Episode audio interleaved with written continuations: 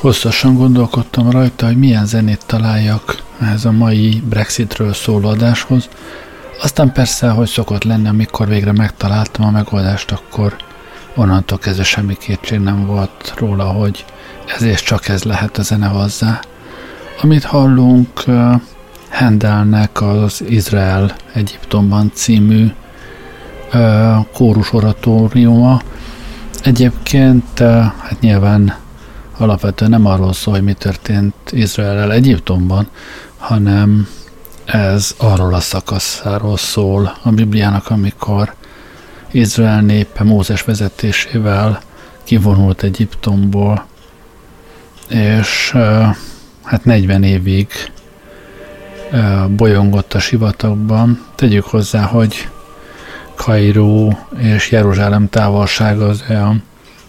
kb. 430 km légvonalban. Tehát ez a 40 év ez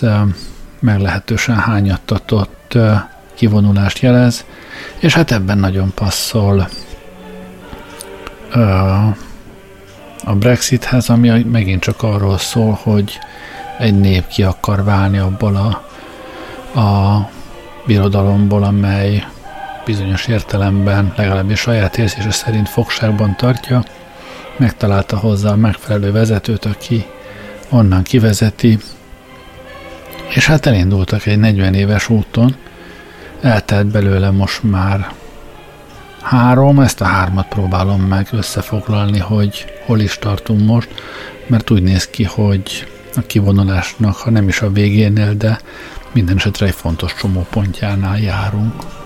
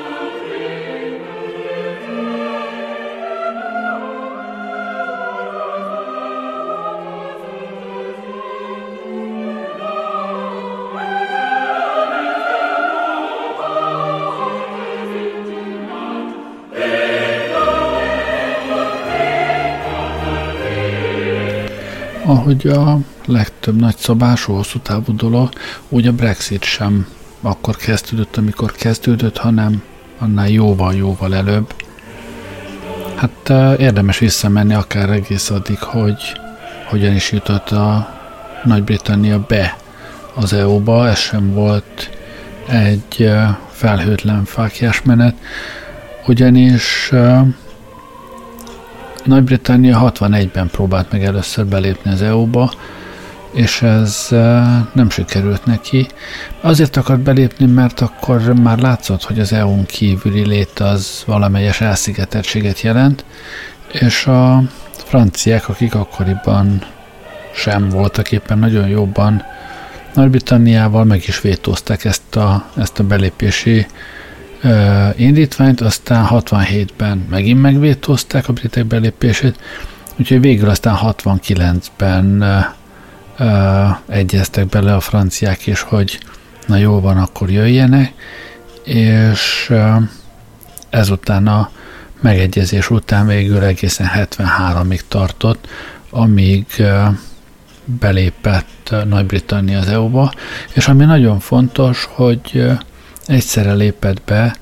hát másodszorban Dániával, de leginkább Írországgal. Ez azért izgalmas, mert Nagy-Britanniának Írországgal már egy ennél is régebb óta tartó kereskedelmi és utazási és sok minden egyebet lefedő egyezménye van, ami egyebek között szabályozta azt, hogy, hogy Írország és Nagy-Britannia között nincs és nem is lesz határellenőrzés, hogy a, az áruk és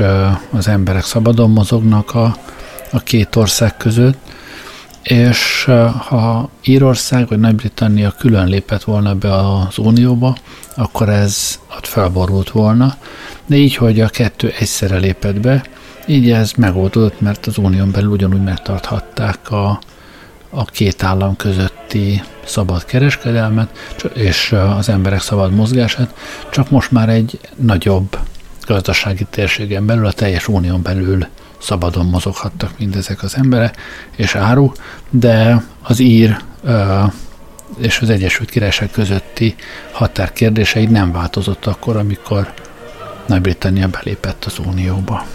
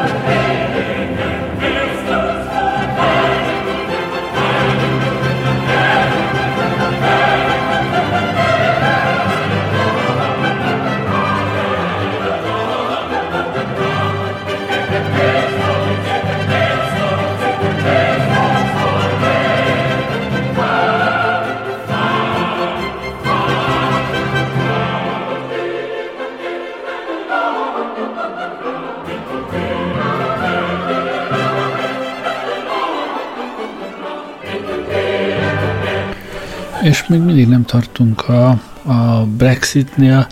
A Brexitnek egy jó megalapozása volt a az Egyesült Királyság belépése óta két dolog is. Az egyik a folyamatosan fennálló, meg megújuló, hol intenzívebb, hol kevésbé intenzív euroszkepticizmus, ami valamilyen szinten mindig is megvolt, és leginkább szerintem arra mutat, hogy a briteknek nehezére esik egy olyan szövetségben lenni, ahol nem ők a közösség vezetői. A brit nemzetközösséggel nem sok problémájuk van, az egyes, az Európai Unió az, az nem annyira tetszik, mert itt minden országnak azonos jogaik kéne, hogy legyenek, és hát ez nem annyira fekszik a briteknek, de lehet, hogy ez elfogult szemlélet. Én minden esetre ezt látom, hogy, hogy a britekben, mint névben mindig is volt valami fajta ellenérzés, legalábbis egy jelentős részükben az ellen, hogy ennek a szövetségnek részesei legyenek. A másik pedig ezzel nem teljesen ö, függetlenül ö, az, hogy a britek sosem akartak igazából egyenlő jogúak lenni, mindenféle egyezményekben, mindenféle megállapodásokban kerestek külön utakat, külön megegyezéseket, és meglehetősen gyakran és meglehetősen sok helyen sikerült is elérniük, hogy az unión belül kivételezett speciális helyzetben legyen az Egyesült Királyság. Általában a saját szemszögből nézve jobb helyzetben voltak, mint a, a legtöbb uniós ország, és hát egy csomó mindenben, ami pedig nem kötelező, nem opcionális eleme volt az unióna, abban nem is vettek részt, így például az Egyesült Királyság sosem lett része a Schengeni Egyezménynek, mindig is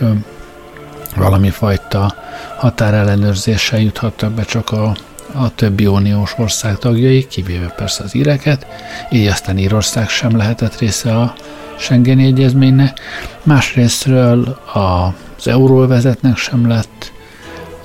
Nagy-Britannia tagja, Írország ezt meglépte, Írországban euróval fizetünk.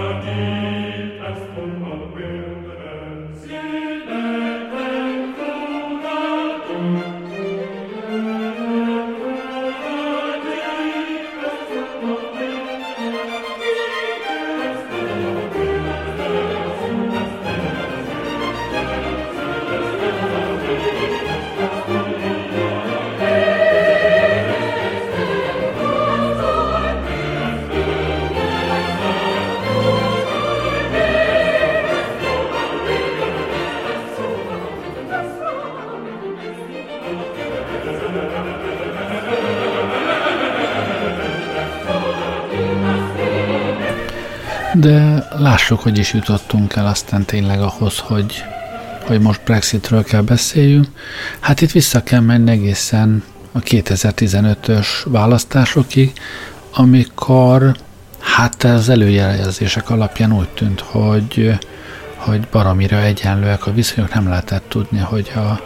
a torik vagy a munkáspártiak fognak nyerni, és volt a levegőben egy olyasmi, hogy, hogy az euroszkeptikusok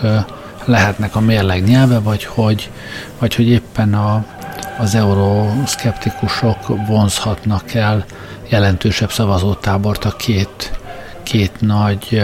pártól. Itt alapvetően a, a UKIP-ről kell uh, beszélni, és, uh, és David Cameron, hogy ezt a veszélyt kivédje, illetve a, az euroszkeptikusok egy részét a saját táborába csábítsa, belengedte azt az ígéretet, hogy ha megnyerik a választásokat, akkor ő bizony fog tartani egy népszavazást arról, hogy, hogy maradjon-e az Egyesült Királyság az Európai Unióban. És hát mindezek után is meglehetősen döntetlennek tűnt a, a választás, egészen addig, míg aztán a, a konkrét eredményekben mindenki meglepetésére, így, így David Cameron meglepetésére is, nem csak, hogy megnyerték a választásokat, de olyan többséggel nyerték meg, hogy, hogy koalíciót sem kellett kötniük. Utóbb azt mondta, hogy ő valójában azt gondolta, hogy,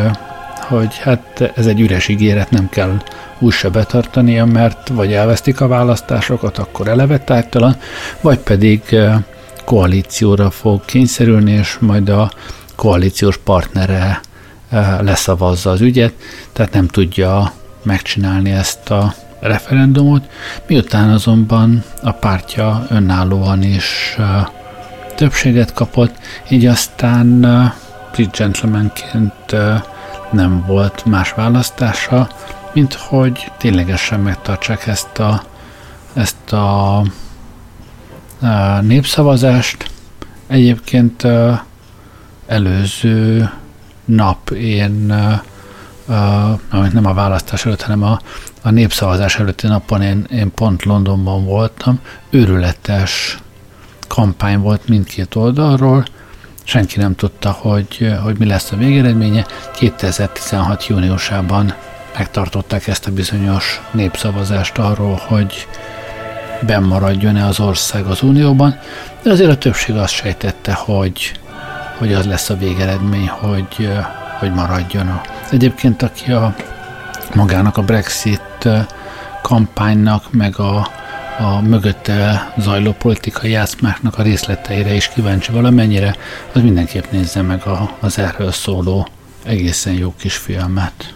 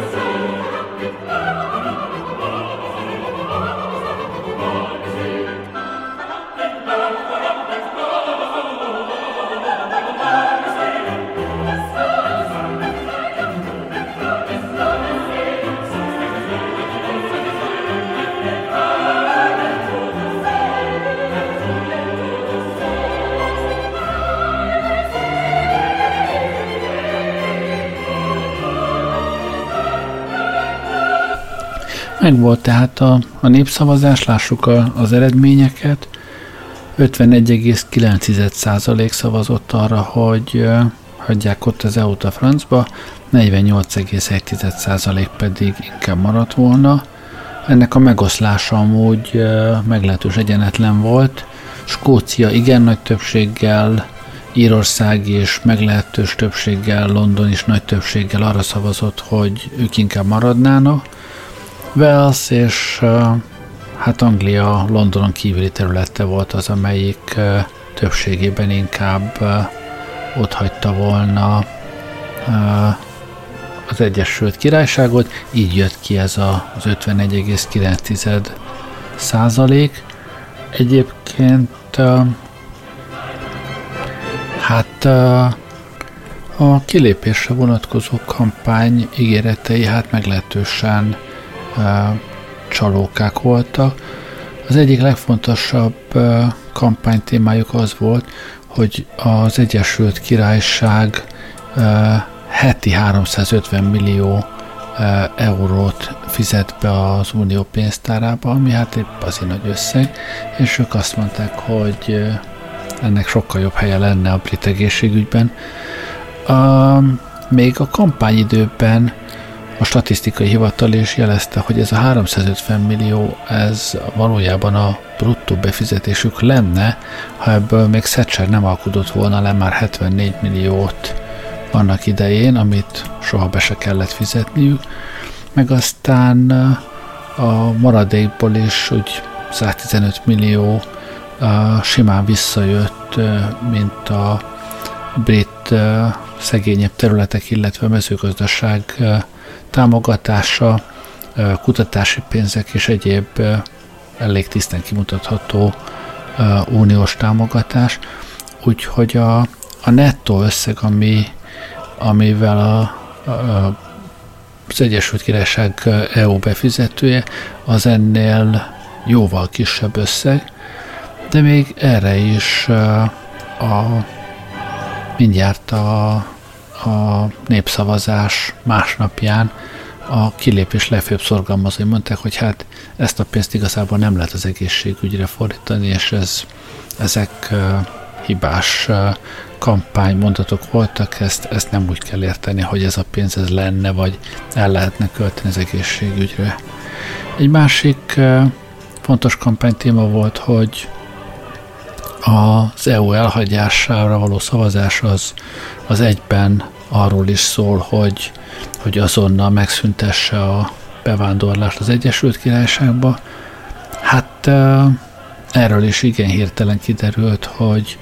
részben nem szünteti meg a bevándorlást, főleg nem azonnal, és hát az sem egyértelmű, hogy a bevándorlás megszüntetése az a brit gazdaságnak vagy a briteknek bármilyen formában jó lenne. A harmadik kampánytéma pedig az volt, amivel a brit lakosságot ijeszgették, hogy a törökök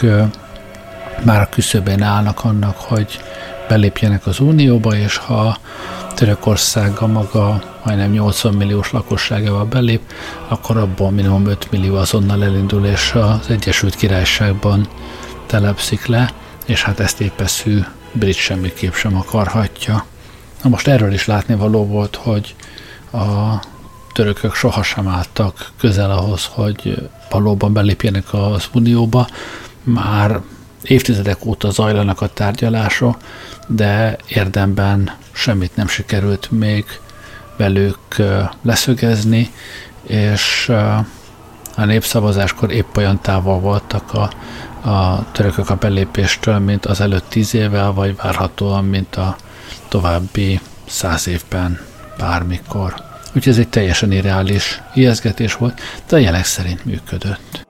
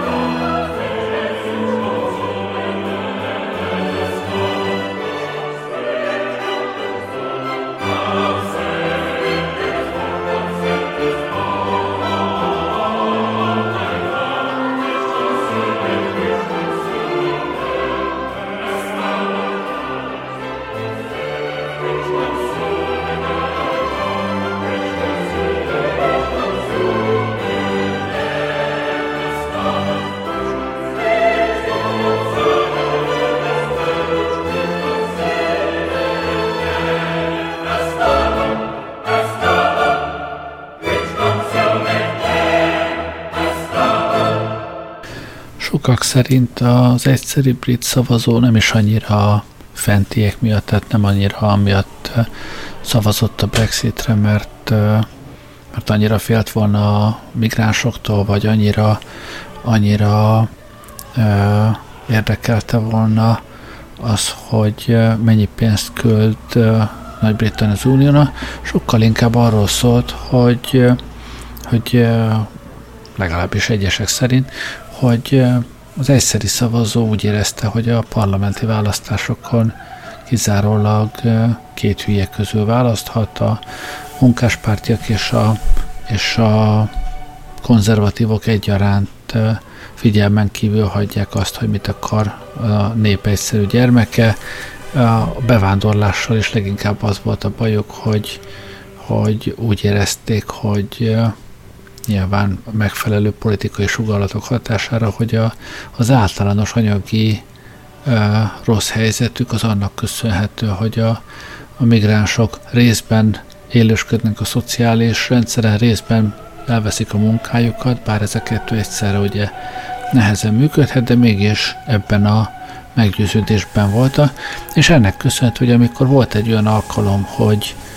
hogy a pofájába vághassák a, az elitnek, hogy, hogy nem kell uh, amit, amit ajánlott, akkor protestből szavaztak arra, hogy akkor lépjünk ki az Unióból a francba. Uh, aztán nagyon sokan másnap kezdtek el gondolkodni arra, hogy miről is van szó. Közmondásos, hogy a, a népszavazás másnapján őrületesen megnőtt a Google-in a, a mi is az az EU, meg mi Nagy-Britannia helyzete az EU-ban stílusú keresések száma a Google-in, akkor kezdtek el igazán népek utánézni, hogy miről is szavaztunk, meg mit is szavaztunk, meg hát nagyon sokan már másnap úgy érezték, hogy hát oké, oké, ők a kilépésre szavaztak, de, de hát ha tudták volna, hogy ennek tényleg az lesz a, a vége, hogy, hogy ez így től el, akkor ők inkább azért maradtak volna. Hát ennyit a brit választók eszéről. Minden esetre David Cameron azt tette, ami az egyedül lehetséges volt a számára ebben a helyzetben, azonnal lemondott, amivel megindult a, az új miniszterelnök keresése a brit szokásoknak megfelelően a párton belül. Tehát miután előzőleg a konzervatív párt eh, nyert a választásokon, így a konzervatív párton belül indult el egy, egy miniszterelnök keresés, és hát a többi jelöltek ilyen-olyan-olyan ópa való kiesése után végül is Tereza May maradt egyedül a, a porondon, aki amúgy korábban a, a népszavazás előtti kampányban, ha nem is túl határozottan, de a maradás mellett érvelt, és most végül is ő kapta meg a miniszterelnökséget, hogy vezényelje le azt a az Európai Unióval való kilépést, amivel valójában ő nem értett egyet. Minden esetre ő úgy tekintette, hogy a nép szava Isten szava, amit a nép megrendelt, azt kell neki leszállítani,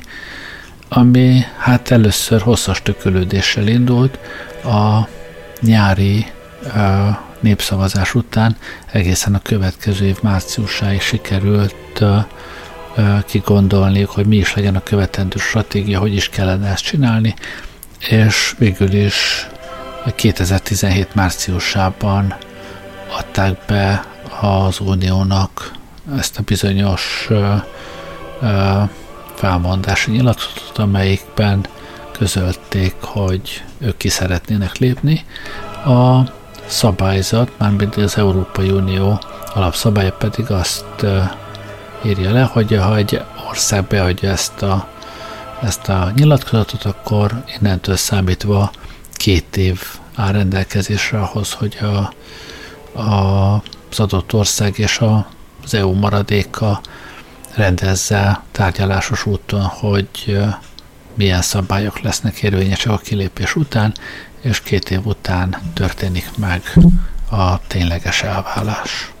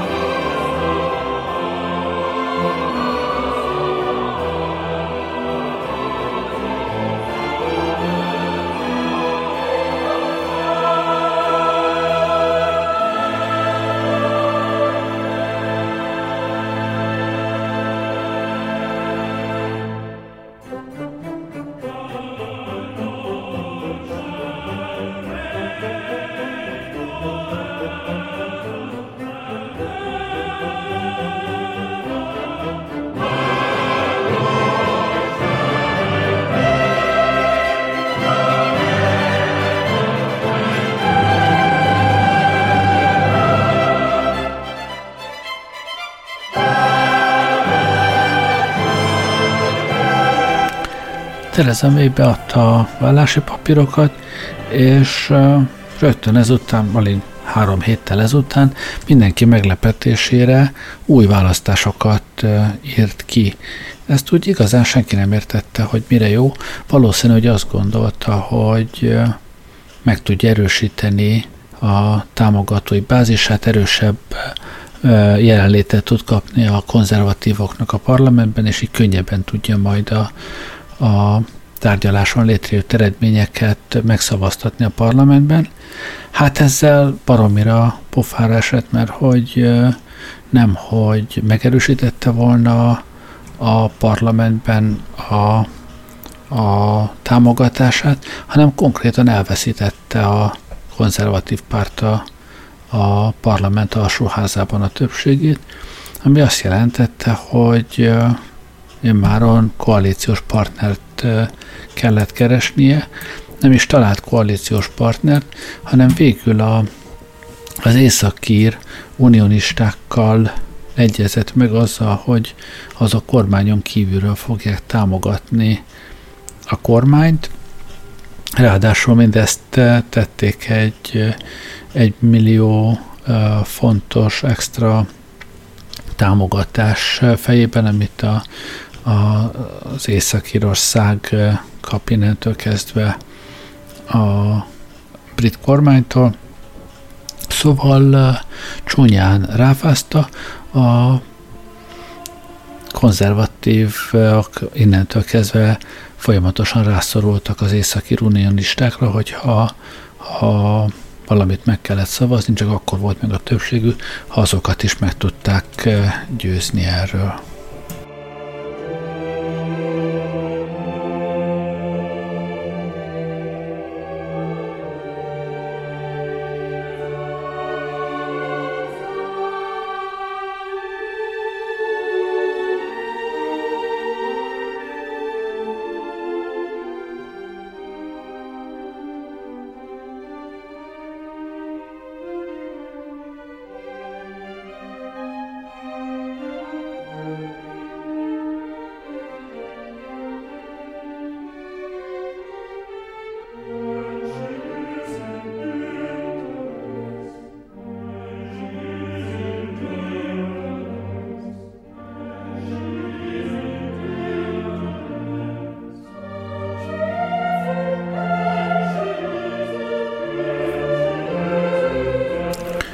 Újabb rövid töketlenkedés következik, majd aztán végül 2017 nyarán végre elkezdődnek az érdemi tárgyalások az Egyesült Királyság és az Európai Unió között arról, hogy hogyan is nézzen ki a két tárgyalófél viszonya az Egyesült Királyság kiválása után. És akkor innentől kezdve nagyon sokáig, több mint egy évig ez nagyjából zárt ajtók mögött zajlik, időről időre valaki kinéz a függöny mögül és mond ezt-azt, de többé-kevésbé Tereza May saját feje után haladva, és gyakran a saját pártja ellenében folytatja a tárgyalásokat az Unióval, és miután már több minisztere is kilép a kormányból, amiatt, hogy úgy gondolják, hogy a megszülető egyezmény az túlságosan közelé viszonyt jelent az Unióval, hogy valójában ez a kilépés nem eléggé kilépés. Míg mások szerint pont az a baj, hogy, hogy túlságosan is eltávolodik a, az Uniótól az Egyesült Királyság. A végeredmény az, hogy Theresa May eljut odáig 2018 végére, hogy aláír az Európai Unióval egy megállapodást, ami arról szól, hogy amikor lejár a határidő 2019. március végén, akkor onnantól kezdve itt most mi lesz. Hogyan lesz, és és ez a megegyezés, ez mind Tereza May részéről, mind pedig a, az Európai Unió részéről véglegesnek tekintett. Mindkét fél úgy gondolja, hogy ez a legjobb megegyezés, ameddig mindkét fél részéről el lehetett jutni, és nem kívánják ezt a, a megegyezést újra megnyitni. Nagyon sok energia van benne, nagyon sok részletkérdést végigtárgyaltak, ez egy több száz oldalas dokumentum, nagyon sok részletre kiterjedően, és innentől az következne, legalábbis az elképzelések szerint, hogy a brit parlament ezt a megegyezést elfogadja, ratifikálja, majd ezek után az összes uniós állam is elfogadja ezt a megegyezést, mert ugye az Unióban konszenzussal hozzák a döntéseket, és akkor amikor ezt mindenki elfogadta, akkor ez hatályba lép, és 2019 március végével az Egyesült Királyság kilép az Unióból, és onnantól kezdve a megegyezésben leírtak szerint járnak el.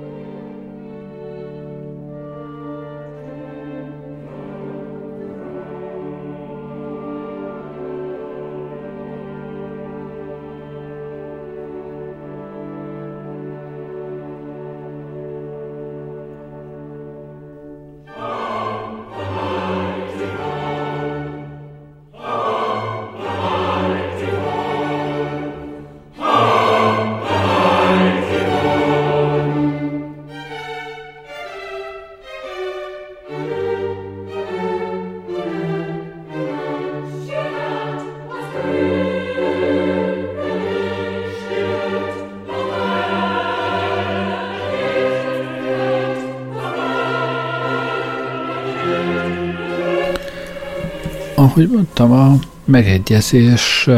rendkívül részletes, de a legfontosabb részét össze lehet foglalni egyetlen mondatban. Az egyetlen mondat pedig úgy néz ki, hogy a következő két év, majdnem két év,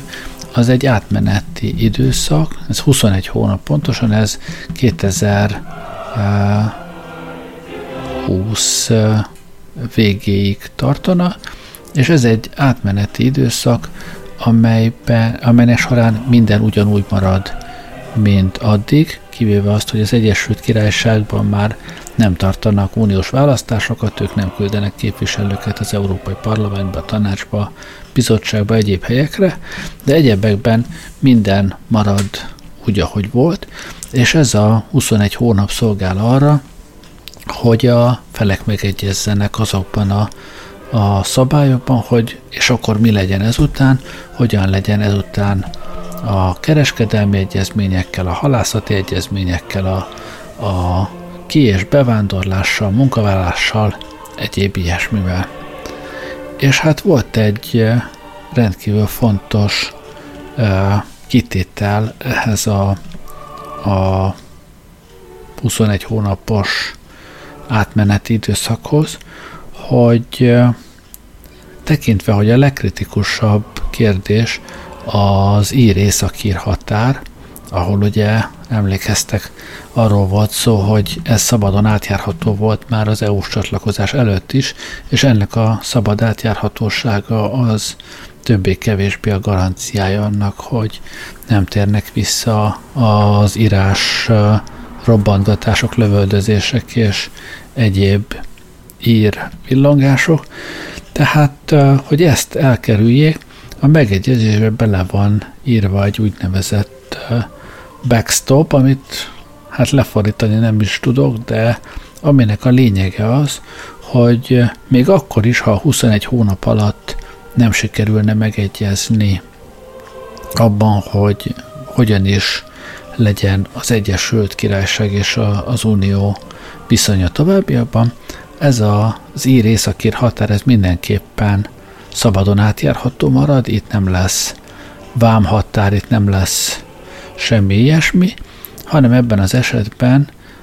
Észak-Írország és az Egyesült Királyság többi része között kell majd bevezetni bizonyos korlátozásokat, tehát az északírek ilyen értelemben szabadabban fognak kereskedni és közlekedni Írországgal, és ezen keresztül az egész Európai Unióval, mint magával a Nagy-Britannia többi részével. Na most hát ez nagyon sokaknak, egyebek között a, az északír unionistáknak legfőképp egyáltalán nem tetszik, mert hogy ettől egyrészt uh, uh, úgy érzik, hogy soha büdös életben nem fognak tudni kilépni igazán az unióból, mert hogy erre a backstopra nincsen véghatáridő, erről az van mondva, hogy mindaddig, amíg nem sikerül megnyugtató módon a kereskedelmi és egyéb egyezményeket rendezni, tehát ad abszurdum örökre így maradhatna. Másrésztről pedig hát az északi unionisták attól is tartanak, hogy akik ugye a Nagy-Britanniával való unióval van érdekelte, attól is tartanak, hogy ez gyengíti az ő pozíciójukat végső soron Írország egyesüléséhez, tehát az Északír és az Ír köztársaság egyesüléséhez vezethet, és Észak-Írország Egyesült Királyságtól való elszakadásához, ami, ami hát nekik aztán egyáltalán nem tetszik, így aztán nem is tudták ebben támogatni a parlamentet, és, és hát egyáltalán nem egy diadalmenet keresztül verni a parlamenten azt, hogy ezt a megegyezést elfogadják.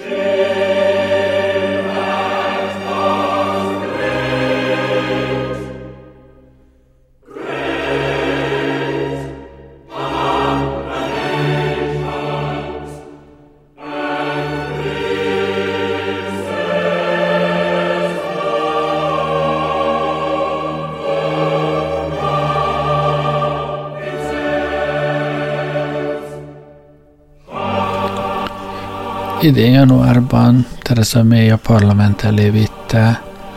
a javaslatát. Egyébként eh, ez is hosszas eh, jogi küzdelem volt Nagy-Britanniában. Már maga a, a vállási nyilatkozat benyújtása előtt elkezdődött, amikor az alkotmánybíróságig mentek azzal, hogy ezt a kormány nem teheti meg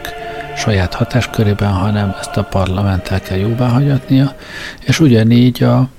a kilépési egyezmény aláírásánál is sikerült azt keresztül vinni, hogy a kormány ezt nem tudja saját hatáskörében megtenni, hanem ez parlamenti hatáskör. Így aztán Tereza May a, a parlament elé vitte ezt a bizonyos EU-val összehozott megegyezést, hogy a parlament ehhez az áldását adja, és iszonyatosan megbukott vele, több mint 236 több mint 230 kevesebb szavazatot kapott, mint ahányan ellene szavaztak, ami hát történelmi veresség párját ritkítja. Nyilvánvalóvá vált, hogy a parlament ezt a megegyezést nem kívánja. Mindenkivel nyilvánvalóvá vált mindenki számára, kivéve a Tereza may aki azóta már még kétszer vitte a parlament elé lényegében változatlanul ugyanazt a megegyezést, hogy hát előbb-utóbb csak beadják a derekukat ezek a nyakas képviselő, de hát nem sikerült neki egyszer se többséget összekovácsolni a javaslata mögé, még csak az sem igaz, hogy a konzervatív párt állna itt szemben a, a munkáspárttal. Mindkét oldalon vannak, akik időről időre megszavazzák ezt a, a megegyezést, mások pedig ellenzi, de hát bár egyre csökkenő mértékben, de minden alkalommal, minden három alkalommal eddig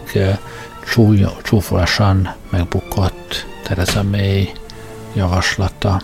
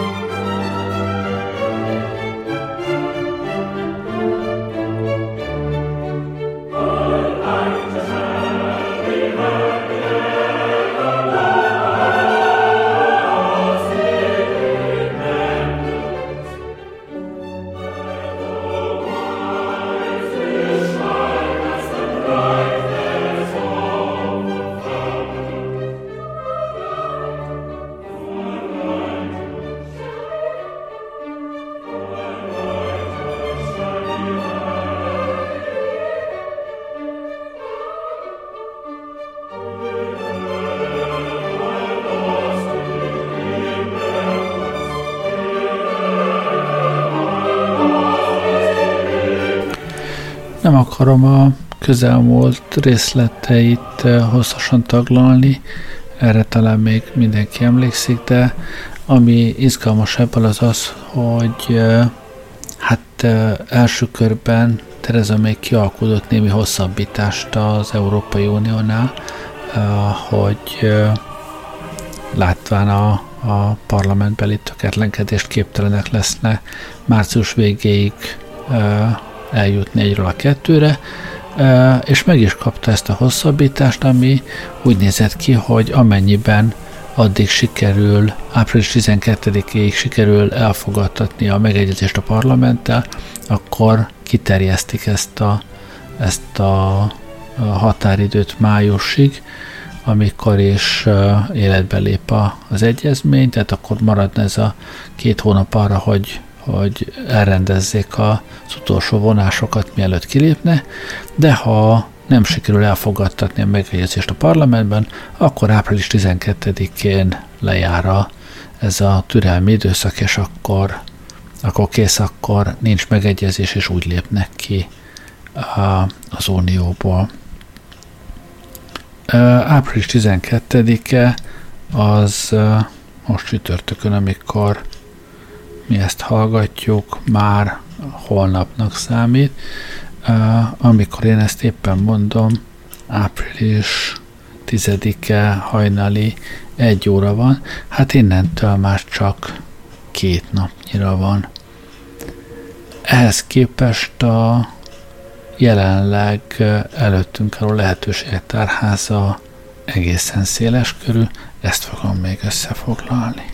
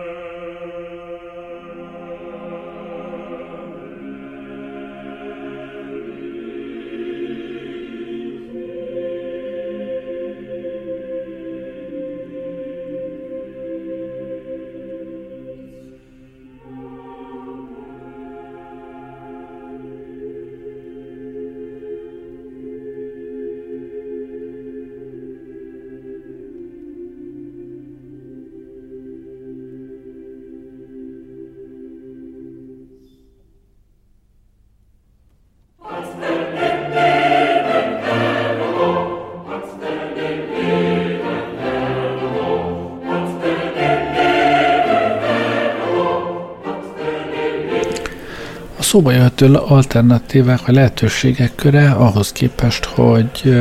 itt vagyunk a, a meghosszabbított utolsó határidő előtti napon, meglehetősen széles körül. Mikor ezt hallgatjátok, már lehet, hogy, hogy kiderült, hogy az Európai Uniós csúcsértekezlet elfogadta Tereza May kérését arra, hogy további hosszabbítást adjanak az Egyesült Királyságnak, vagy sem. Én most minden esetre azt mondom, hogy ez még egy nyitott kérdés számomra.